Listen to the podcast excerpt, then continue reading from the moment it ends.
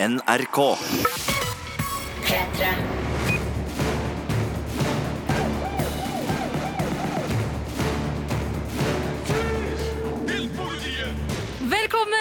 Filmpolitiets podkast. I studio, Sigurd. Og Marte. Og her skal vi kose oss eh, i dagens pod med masse deilig snacks fra filmspill og TV-serieland. Ja, denne kalenderluka er stappfull av gode gaver til gode nerder der ute. Vi skal selvfølgelig snakke om Adjø Montebello, Carpe Diems kinofilm, som hadde premiere i går, og som går nå i kun fire dager på kino.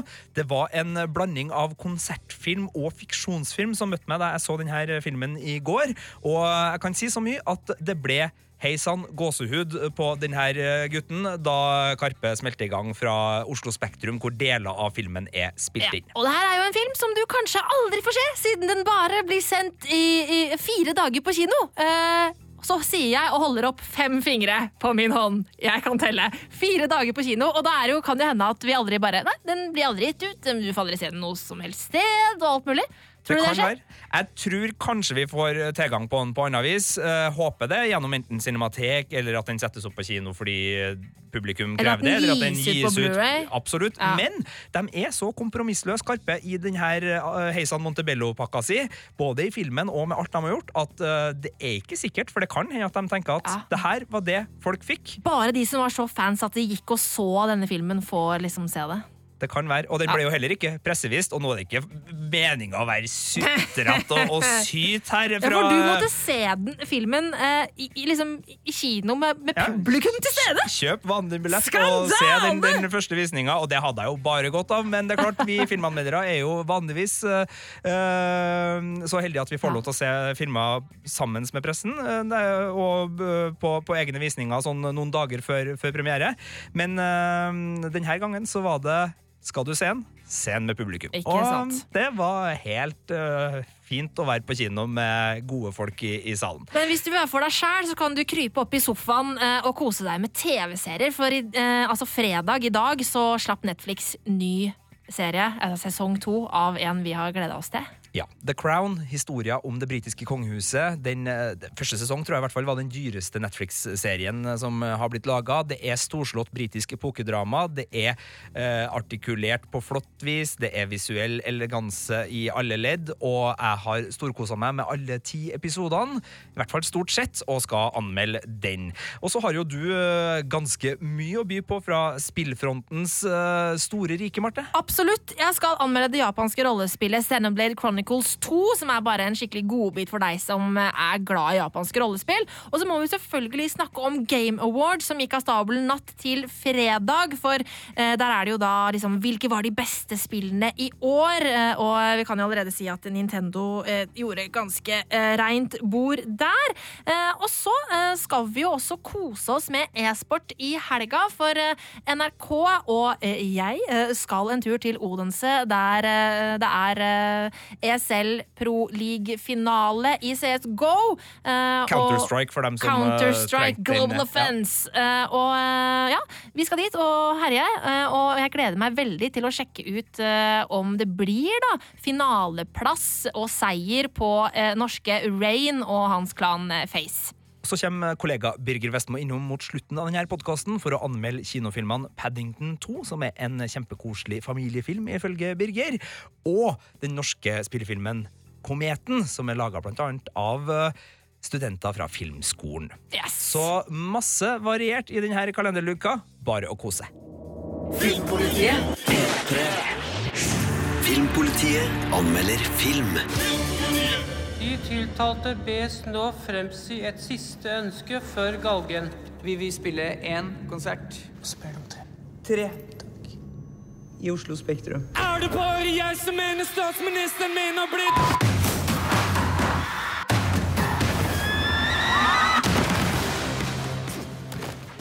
Oi, oi, oi. Her hører vi lyd fra en film som det har vært ekstremt mye snakk om i det siste. Sigurd Vik, du har vært på Adjø Montebello.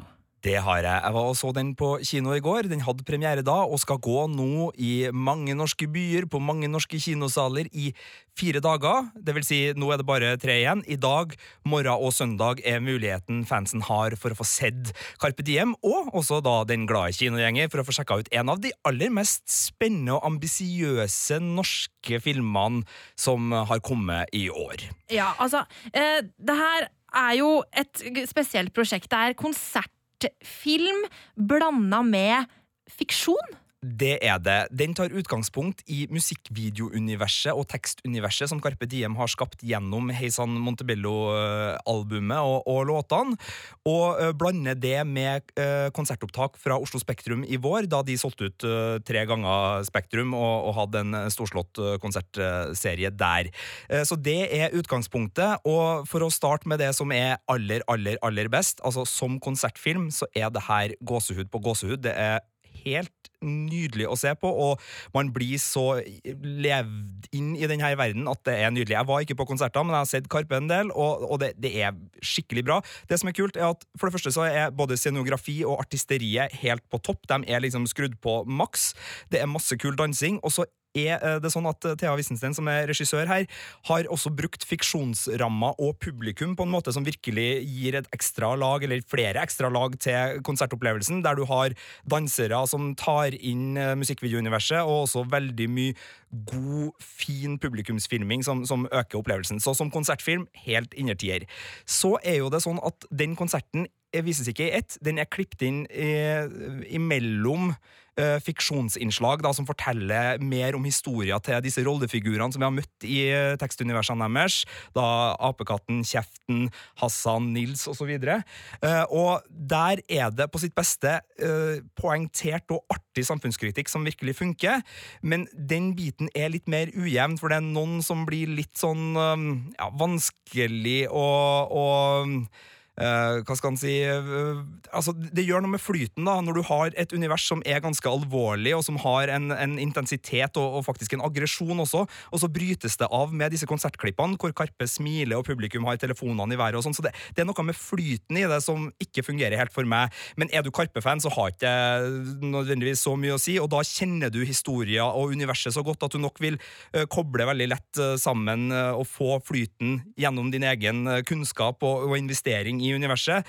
Men uh, som film så, så, stykkes den litt opp av det her, da. Og det er selvfølgelig et ambisiøst grep som er, er, spennende, men jeg syns det, det, ødelegger litt av stilen og tonen i helheten. Mm. Ja, så at det, det, funker hvis du har lyst til å, er gira på Karpe Diem og har lyst til å gå og få en konsertopplevelse og liksom musikkvideoopplegg og sånn, men som en helhetlig film så blir det ikke helt innertier. Ikke helt innertier, men fremdeles veldig bra, og jeg blir begeistra over hvor vakkert det er, hvor ambisiøst det er, og hvor mye skaperkraft og vilje det er til å gjøre noe annet. Det her er ikke en lettfordøyd film. Carpe Diem har ikke gitt ved døra her. De er nådeløs, kompromissløs eh, til sitt eget prosjekt, og det er bare å applaudere. Og uh, alle som er fan av Carpe Diem, skal se den, bør se denne filmen. Og alle som er interessert i, i god filmfortelling, bør også se den, for den er et veldig spennende prosjekt.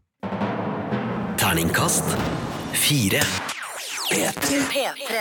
Filmpolitiet anmelder TV-serie. The world has changed. Society in Britain has changed. You married a wild spirit. Trying to tame them is no use. This restlessness of yours, it has to be a thing of the past. The monarchy's too fragile. You keep telling me yourself. One more scandal, one more national embarrassment, and it would all be over.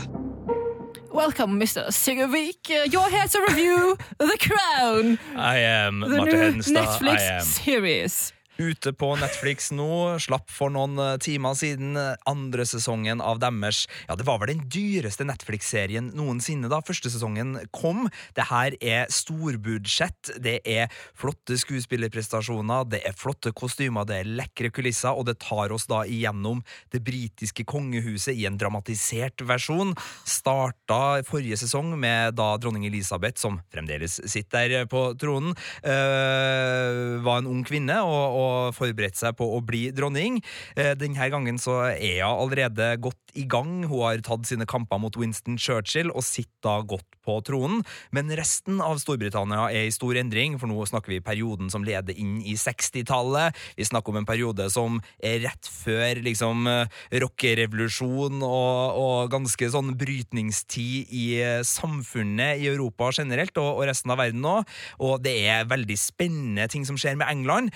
Ikke like spennende ting som skjer direkte med dronning Elisabeth, men det her er veldig koselig å være tilbake. Altså, det Ja. er en verden her som er Altså, hvis du er litt sånn Downton Abbey-glad, litt sånn glad i, i eh, flotte hus og deres historie, glad i britisk tørrvidd, visuell eleganse, formidable skuespillerprestasjoner, så, så er det her veldig bra. Og så er det en serie som bruker styrken til uh, TV-serien med å ha ulike episoder, som uh, liksom bygger, bygger klosse for klosse da, en, en historie på, på utsøkt vis. Altså, Jeg elska jo uh, den forrige sesongen av The Crown. Synes det var dritspennende. Men, men noe av det som var veldig interessant med den, var jo nettopp det der som du nevnte med at uh, Elisabeth eh, er liksom helt ny, hun er fersk, og hun må liksom kjempe seg for å måte, få den der trygge plassen på tronen. Og når du ikke har den spenningen nå eh, Altså, Selv om det er brytningstid og alt det der, blir Ja. det like interessant? Nei, uh, altså det, uh, Første sesong var jo litt som en sånn superhelt-tilblivelseshistorie. Ja. Uh, og, og det var jo kult, men det er jo ikke sånn nå at dronning Elisabeth reiser verden rundt og bare vinner kriger og slokker konflikter og er liksom all over the place. Det er hun jo virkelig ikke. Men Peter Morgan, som er serieskaper og, og manusforfatter her, han har gjort det ganske smart ved å la ekteskapet mellom prins Philip og dronning Elisabeth være ei ramme rundt historien. Altså, det var et ekteskap som var veldig anspent til tider, og som skranta. Og, og liksom den dynamikken og deres samspill utgjør da ramma. Og så har han vært lur, for da de andre episodene så lar han liksom én episode handle om ulike ting. Så det er én episode om eh, skandaleprinsesse Margaret, søstera til Elisabeth sitt utsvevende jetset-liv i London sositet. Det er jo kjempeartig for meg, som er glad i sånne ting. Det er en episode om øh, media, og hvordan de øh, gikk etter kongehuset, og hvordan det resulterte i at øh, dronninga begynte med TV-sendte uh, juletaler i stedet for radiosendte. Det er spennende pressehistorie. Og det er nazihemmeligheter i kongefamilien i en episode. Det er spionskandaler. Altså, så, så Ok, det mange gjennom, å liksom, ja, ja, gjennom å, å gjøre det her, så er det veldig bra. Det som er litt uh, synd, da, er at det er Litt avhengig av personlig smak, så er det noen episoder som er blant seriens dårligste så langt. Jeg syns spesielt en kostskoleepisode blir eh, en litt sånn drøy time. Og så er det jo ikke til å komme bort fra at selv om Claire Foy er fantastisk som dronning Elisabeth, eh, en av de beste dramaskuespillerprestasjonene som er på TV om dagen, så blir det noen hull etter hennes kamp med Winston Churchill og det spenningsdrivet vi hadde der. Ja, litt som- var ja, helt fabelaktig i den rollen som Winston Churchill. ja, så serien når heller ikke de høydene som eh, sesong én hadde, spesielt da i episode fire, hvis man skal pirke i nerdefaktoren her, som hadde en fantastisk episode. Da, er det den der derre han- The Fog? The Fog of London. Som, eh, så, så, så de høydepunktene når vi ikke her, men okay. du verden, det er bunnsolid kvalitet. Og likte du sesong én og er enten kongelige kjendiser eller britisk monarkihistorie din tekopp, så er det bare Check. å sette på kanna. Ja, for det her er veldig, veldig god TV. Terningkast fire. P3. Det er Filmpolitiet du hører på.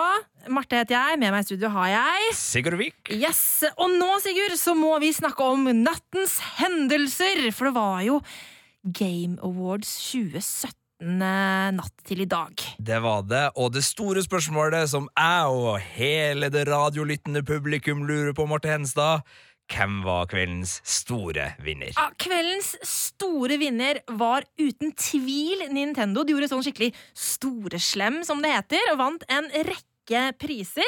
Altså, eh, De vant eh, Best Game Direction for The Legend of Zelda Breath of the Wild.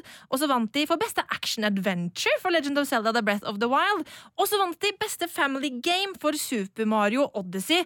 Og så vant de den gjeveste prisen av dem alle, Game of the Year, eh, for Legend of Zelda Breath of the Wild. Jeg syns jo det er en grei vitnesbyrd på Nintendo sitt år når de har sluppet Switch. De har uh, hatt de spillene her, og så er Mm. liksom Splatoon 2, som er et kjempebra spill, kanskje bare det tredje beste Ja, spillet uh, i år.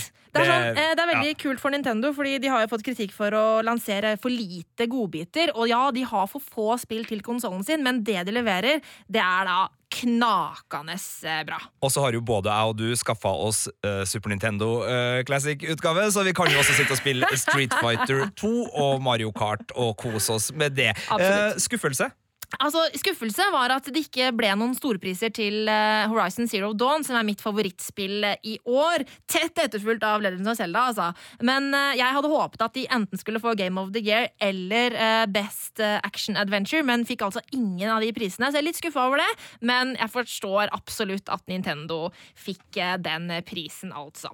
Så spennende med Game of the Year. så ja. Etter hvert så skal jo vi eh, lansere vår egen liste over hva jeg da syns er best i år, og den er selvfølgelig like viktig som Game of Nei, nei, nei, nei, nei. Den er mye viktigere enn Game Mye viktig. Awards. Ja, ja, ja, ja, ja. Dette er Filmpolitiet På P3. P3. Filmpolitiet anmelder spill.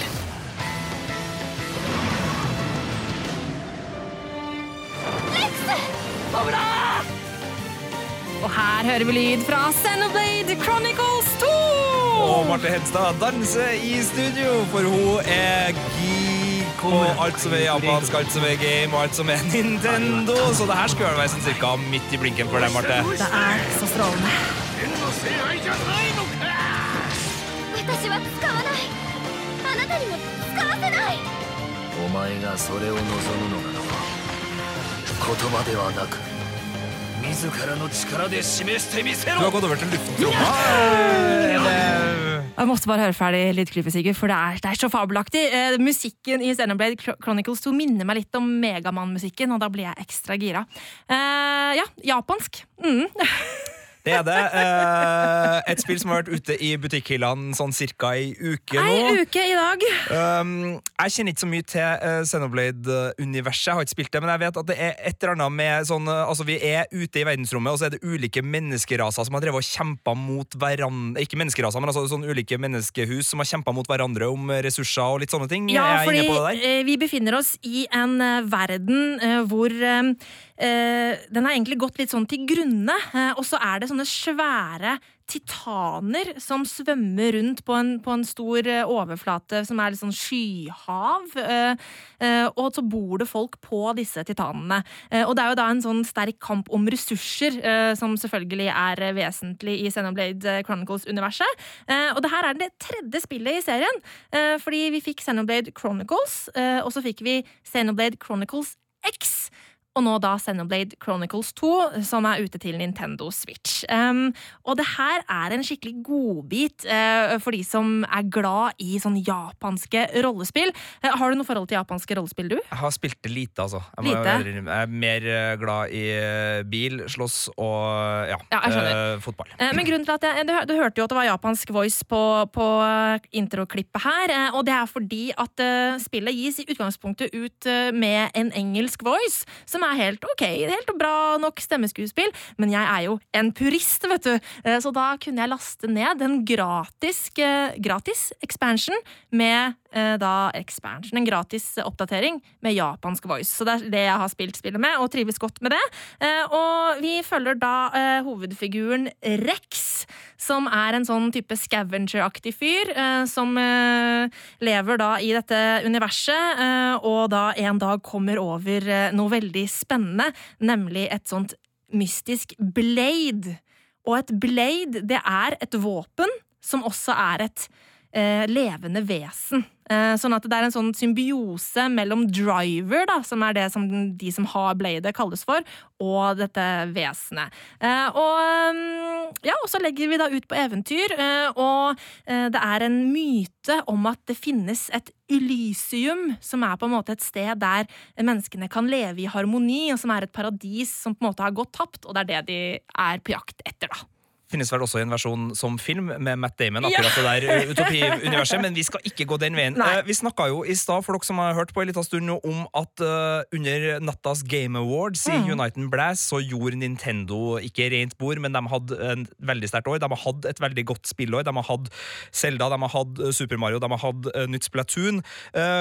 Hvordan funker Xenoblade Chronicles 2 eh, sånn på, på tampen av spillåret Jo, det funker kjempebra, og det fungerer fint på Nintendo Switch. Um, det er uh, noen sånne dropp her og der når det skjer mye ting på skjermen i bildefrekvens. Uh, altså, I dette spillet så er det Du har jo Du kan ha tre stykker på laget ditt, uh, og det er ekstremt mange krefter og liksom ting og angrep som skjer på skjermen. sånn at når det blir sånn skikkelig intenst, og det er veldig mye, så kan det bli, falle lite grann. Men ellers er Nintendo Switchen god, og det fungerer greit med eh, pro-kontrollen eh, til eh, konsollen. Det er det jeg har testa det med, og det er det også som det er anbefalt å spille det med. De gir jo ut en sånn bundle med Xenoblade Chronicles 2 og en sånn Xenoblade-kontroller, da. Så ja.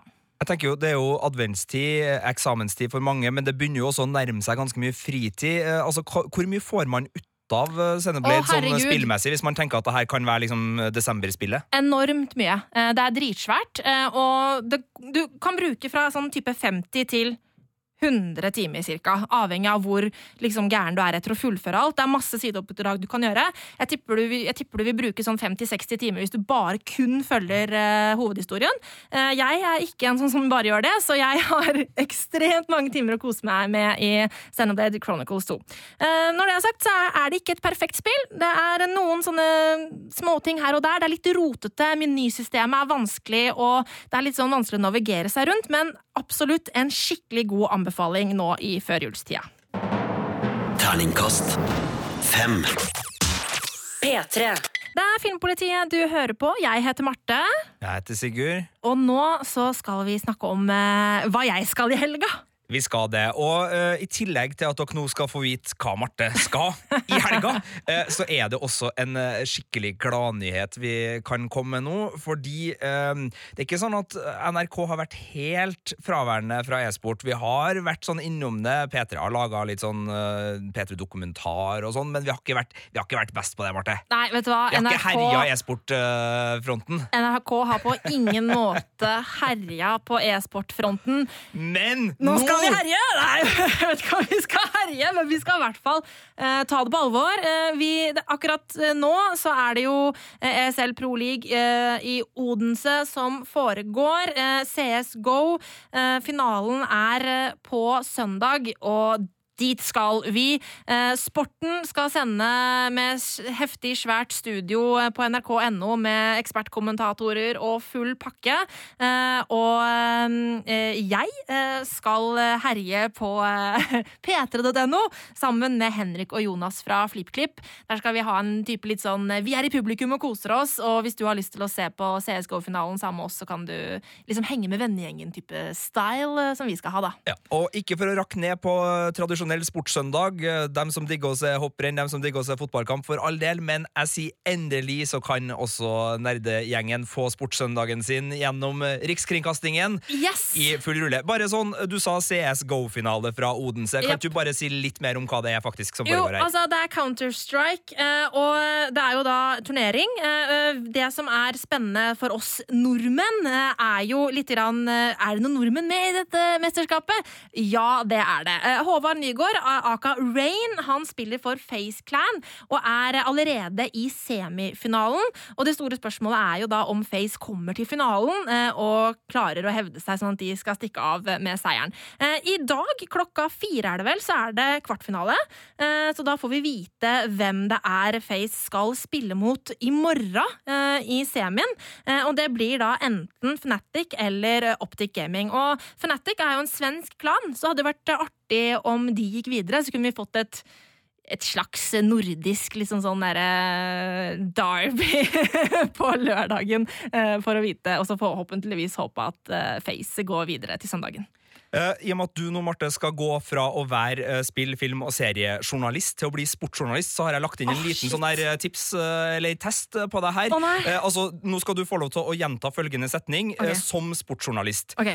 Vi har vunnet i Odense! Vi har vunnet i Odense! Kom igjen. Vi har vunnet i Odense!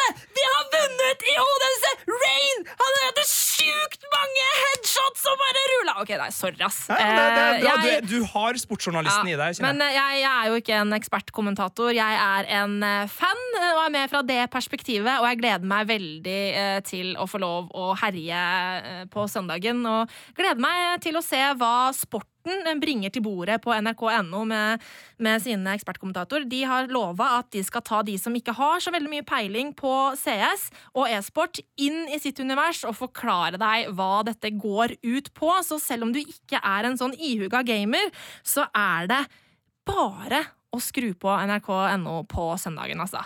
Det begynner eh, klokka halv eh, fire, er det vel. Men det kan du sjekke ut på p3.no, så står det informasjon om alt dette. Å, herregud, nå ble jeg så gira nå, sikkert. P3. Du hører på Filmpolitiet, og nå skal vi til en eh, hårete fyr, Birger. Ja, det er helt korrekt. Jeg har nemlig vært på kino og storkosa meg med familiefilmen Paddington 2. Filmpolitiet anmelder film. Bjørn med seg. Hvorfor ikke? Kom, kom, unge Ursidar. Opp hit, pelskledde venn. Veldig bra. veldig bra. Og navnet ditt er eh, Paddington Brun. Å ja, selvfølgelig. Du er den nye naboen min. Noen som har et forhold til Paddington her? Jeg hørte Paddington på en sånn lydbok som barn. Ja, det her er jo basert på klassiske barnebøker fra 1950-tallet av forfatter Michael Bond, og for noen år siden fikk vi da den første Paddington-filmen, som jeg syns var hyggelig, koselig, morsom, og så kommer toeren her og er bare ber på nesten alt. Altså enda bedre, og det her er rett og slett en av årets beste barnefilmer. Av, av den typen som eh, barna kommer til å elske, og foreldrene deres òg. Det er jo veldig koselig, for det er jo ikke alle familiefilmer som klarer å underholde både barn og voksne. Det kan bli litt sånn barnslig noen ganger. Det kan det, og klart, den filmen her er av typen uh, uskyldig moro. Eh, Sjøl om det er noen farer som lurer her, så er det i et univers der alt er trygt og greit, liksom. Så det her er for de minste barna, og så tror jeg nok at veldig mange foreldre der ute har et nostalgisk forhold til Paddington. Og det er ikke den typen figur du vil skal forny seg så innmari og bli modernisert i altfor stor grad. Men eh, det her er et univers som virker velkjent, og som jeg syns regissøren Paul King virkelig har liva opp godt med mange visuelle virkemidler som eh, overrasker. Og det er sprekt gjort og gjør at sjøl om det her er en, en gammeldags type barnefilmhistorie, så virker det likevel friskt. Det er jo en skuespiller som mange vil dra kjensel på fra filmer som Notting Hill og diverse, diverse. Hugh Grant som spiller Er det en slags skurkerolle her, eller spoiler vi for mye ved å Nei, Man kan si at han spiller en skurkerolle her, ja, som en falma skuespiller eh, som heter Felix Bakken i den norske oversettelsen. Eh, Han eh, stjeler en bok fra en antikvitetsbutikk som Paddington da blir beskyldt for å ha utført, men uten å være skyldig, selvfølgelig. Havner i fengsel og må da finne ut hvordan han skal renvaske seg, og hvordan de skal få fanga Felix Bakken. Og du ser jo bare på Hugh Grant at han storkoser seg i den rollen her, for han får være skikkelig sleip, men på en hyggelig måte. Men det er jo Hugh Grant! Det er jo det han er. Ja, det har jo ikke vært så mye sleip i de gamle romantiske komediene, men han har kanskje begynt å dyrke den type rolle mer for tida. ja, eh, det er i hvert fall en rolle som passer Hugh Grants eh, rekkevidde som skuespiller godt. Og så må det sies da at Paddington sjøl er jo da en um, førsteklasses eh, digital animasjon. Eh, veldig livaktig. Alt det håret, det um, flagrer veldig troverdig. Og eh, vel, eh, han er også godt stemmelagt av Benjamin Helstad i den eh, norske dubbinga, så det er en elskelig figur som eh, du bare får lyst til å ta ut av kinolerretet og kose med. Så eh, trivelig familiefilm for både store og små Paddington, altså. Definitivt. Jeg syns at det her er rett og slett en av årets beste barnefilmer. Terningkast fem. Dette er Filmpolitiet på P3. P3. Det er Filmpolitiet du hører på i studio. Meg sjæl, Marte, Sigurd Vik og Birger Vestmo. Hallo, hallo. Hei, hei. Hallo! Eh, og nå, Birger, så skal vi til Lillehammer, faktisk. Ja, på en måte skal vi det, fordi det er studenter ved Filmskolen på Lillehammer som har eh, laga filmen som har premiere i dag, som heter Kometen. Filmpolitiet anmelder film. Da stjernen og planeten oppsto, ble kometene på en måte til overs. Nå driver og svever rundt oppe i universet. Den der, den har en ufo bak seg, ser du det? Ja. Pappa! Pappa ble tatt av en ufo. Og Her hørte vi altså lyd fra Kometen, laget av Filmskolen på Lillehammer. Og uh, Birger, uh, hva er dette for en film? Ja, det er i hvert fall ingen skolefilm. Eh, det er en, den fremstår som en ren profesjonell produksjon. Tøft. Og historiens utgangspunkt høres kanskje litt vilt ut, men eh, bear over with me her. Det handler om en eh, ung mann som tror at faren hans ble bortført av en ufo skjult i en hale på en komet ti år tidligere. Nå er kometen på vei tilbake mot jorda, og han allierer seg med en kometentusiast, eller ufo-entusiast, spilt av Jørgen Langhelle, i håp om å lokke ufoen ned på jorda og få faren tilbake. Ja, og Det høres jo ut som sci-fi-sprøyt ja. for en del, kanskje, men I want to believe, sier jeg bare. I want to believe. Men eh, det viste seg å være en eh, veldig fint eh, fortalt, eh, sørgmodig historie om en eh, gutt som savner faren sin, eh, og eh, hva han er villig til å gjøre for å få faren tilbake. Og så må man kanskje bare overse det faktum at eh, Gustav kanskje er litt for gammel til å tro på sånne sci-fi-eventyr, men I want altså, to believe! Vi har jo nok av sånne ufo-entusiaster ute i verden, så Ja. Eh, Men altså, det, filmen eh, forholder seg til virkeligheten stort sett, men med enkelte fantasifulle sidesprang, for å si det sånn, da. Så jeg kjøper det. Og jeg syns eh, Aksel Bøyum, som spiller Gustav, er kjempegod. Eh, jeg syns eh, Jørgen Langhelle og Cecilie Mosli og Trond Espen Seim gjør fin innsats i sine roller. Og så er det deilig å se Teresa Eggesbø, kjent fra Skam, der hun spilte Sonja, i rollen som Charlotte, som Gustav da innleder et eh, vennskap med, som kanskje blir noe mer. Og eh, det er en eh, godt fortalt eh, historie, som sagt, men min største innvending er at filmen er for kort. Å, hvor lang er- den? Den er 1 time og 12. Ja, Det er litt kort, ja. Litt kort, eh, altså Man må jo ikke nødvendigvis lage en to og en halv timers film, men eh, det er så mange gode anslag i historien, eh, så mange fine problemstillinger som trekkes opp her, og relasjoner mellom figurene som jeg gjerne skulle ha sett mer av. Og det mener jeg jo taler til filmens fordel, at jeg gjerne skulle ha sett mer av de her folka vi møter i filmen. Så én time og 12 føles som litt for knapt, faktisk. Eh, Det ligger muligens gode grunner bak eh, spilletida her, men eh, jeg ville ha hatt mer av det litt betente forholdet mellom Gustav og mora. Jeg ville ha hatt mer av forholdet til ufo-entusiasten Bill, som da Jørgen Langhelle spiller, som fungerer som en slags, eller kun har fungert som en slags reservepappafigur. Og så ville jeg gjerne hatt mer av vennskapet mellom Gustav og Charlotte, som etter hvert beveger seg over i noe mer, da. Eh, Men det får vi ikke, så eh, vel, en time og tolv, det er det vi fikk av Kometen. Kunne altså ha bydd på mer, men det den eh, har å by på, er imponerende bra. Terningkast fire. Da var vi ved veis ende. Tusen takk for at du hørte på Filmpolitiets podkast. Og hvis du har lyst til å høre mer på Filmpolitiets podkast, så slipper vi også en real julefilmpodkast, hvor jeg, Marte og Birger skravler om våre julefilmfavoritter. Og uten at jeg skal avsløre altfor mye, så kan jeg si at der er vi innom både sci-fi fra 60-tallet, skrekkfilm fra 70-tallet, nostalgi fra 80-tallet, uh, alenehus fra 90-tallet, osv., osv. Det ja, ok, da. Men dere skjønner greia. Det er masse filmanbefalinger i vente for dem som har lyst til å fylle adventstida si med koselig julefilm. Nå skal jeg hjem, sette på Elvis-vinylen med alle de gode julelåtene der. Ta meg en liten gløgg og en liten mandarin, og så sier vi tusen takk for at du hørte på nå. Clementin! Fader, altså. Det er klementin, det. Nei da, jeg har de utrydda mandarinene hjemme, Marte, så ha-ha! In your face! Nei da. Men godt folk, god adventstid, da. Sjekk ut eh, julefilmpodkasten, og så er vi tilbake neste uke. Du finner flere podkaster på p3.no podkast.